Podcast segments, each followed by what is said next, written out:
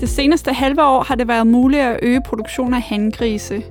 Flere slagterier har nemlig åbnet op for, at producenterne kan levere hangrise. Det betyder dermed, at man stopper med kastration af pattegrisene.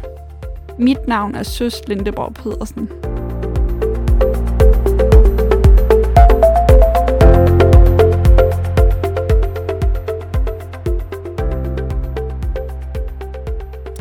Studiet i dag har vi inviteret Hanne Majbo, der er chefforsker i Sikkes Innovation. Og Hanne, du er jo klog på det her med handgrise. Kan du fortælle os lidt om, hvorfor er handgriseproduktionen en god idé? Jamen, handgriseproduktion er jo en god idé i, det, i forhold til produktion af galte, fordi man har i hvert fald en bedre dyrevelfærd hos pattegrisene, fordi de ikke skal kastreres. Der er bedre produktivitet. Der er også en øh, klimafordel, fordi handgrisene bruger mindre foder. Så øh, på bundlinjen, hvis man har en fornuftig lav frasortering, så kan der også være en bedre økonomi. Så fordelene ved ikke at kastrere, det er, at der er en bedre foderudnyttelse, og der er en højere kødprocent. Hanne, hvilke, hvilke ulemper er der så ved at producere hangris? Ulempen kan være, at der er risiko for ovnelugt, og det vil sige, at nogle af hangrisene bliver frasorteret, og dermed har de en mindre værdi på slagteriet. Derudover er der også en tendens til, at intakte hangrise, de slås noget mere, når de bliver store, og derfor kan man også få skader på slagtekroppen eller på kroppen i det hele taget, og dermed en værdiforringelse. Og Hanne, nu nævnte du selv lige ornelugt. Hvad er det?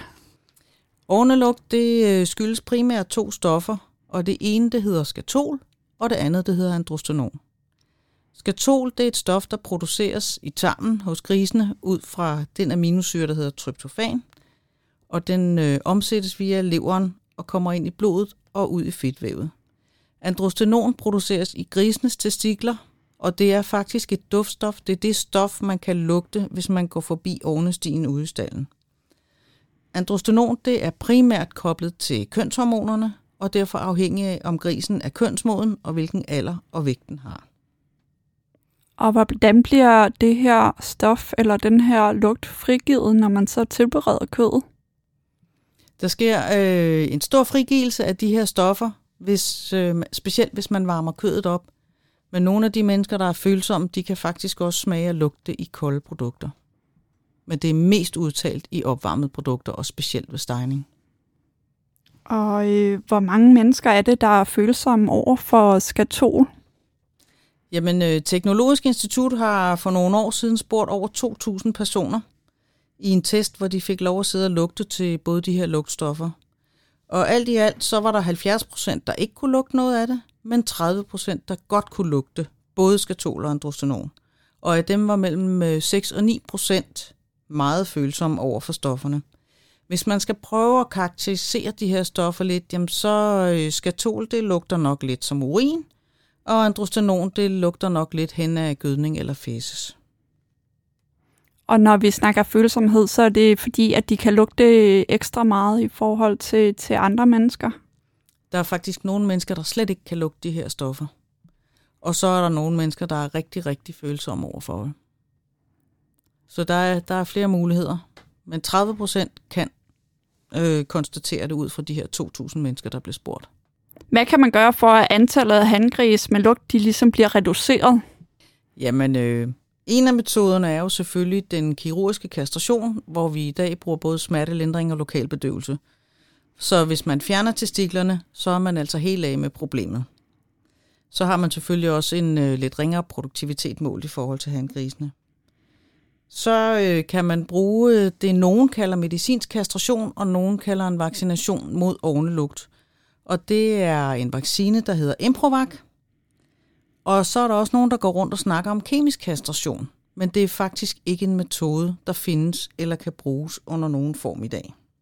Så bare lige for, for at høre igen en medicinsk kastration, hvad, øh, hvad indebærer den?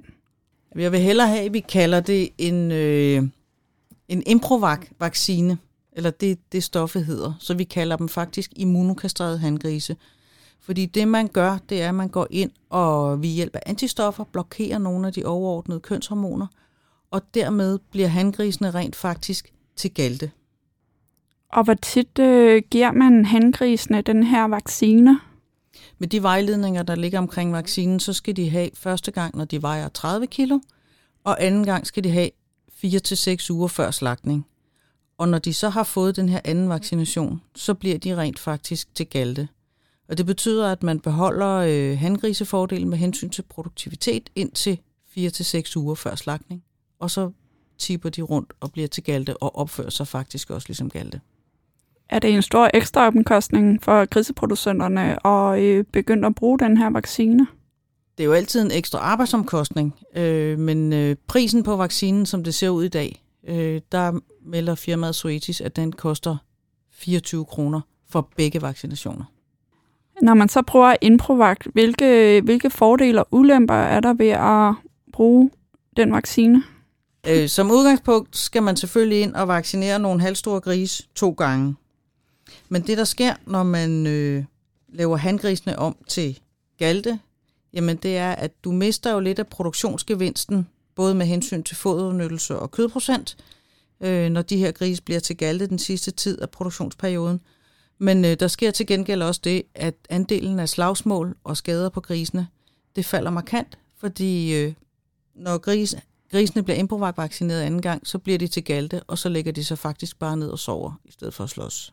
Henne, hvilke, hvilke handgris øh, kommer vi til at se ude i produktionen i fremtiden? Som udgangspunkt så tror jeg på, at man i fremtiden måske får tre handdyrproduktioner ude i besætningerne. En, hvor grisene er kirurgisk kastreret. En, hvor man laver intakte handgrise med øh, alt det, man så kan gøre for at reducere handgriselugten. Og en, hvor man bruger øh, immunokastrationen som middel til at reducere handgriselugten.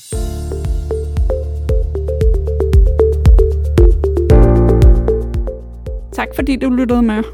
Dette er den første podcast, hvor vi berører emnet handgrise, produktion af handgrise og metoder til at reducere handgriselugt. Husk, at du altid kan lytte til mange flere podcasts ved at abonnere på Griseproduktion, der hvor du lytter podcast.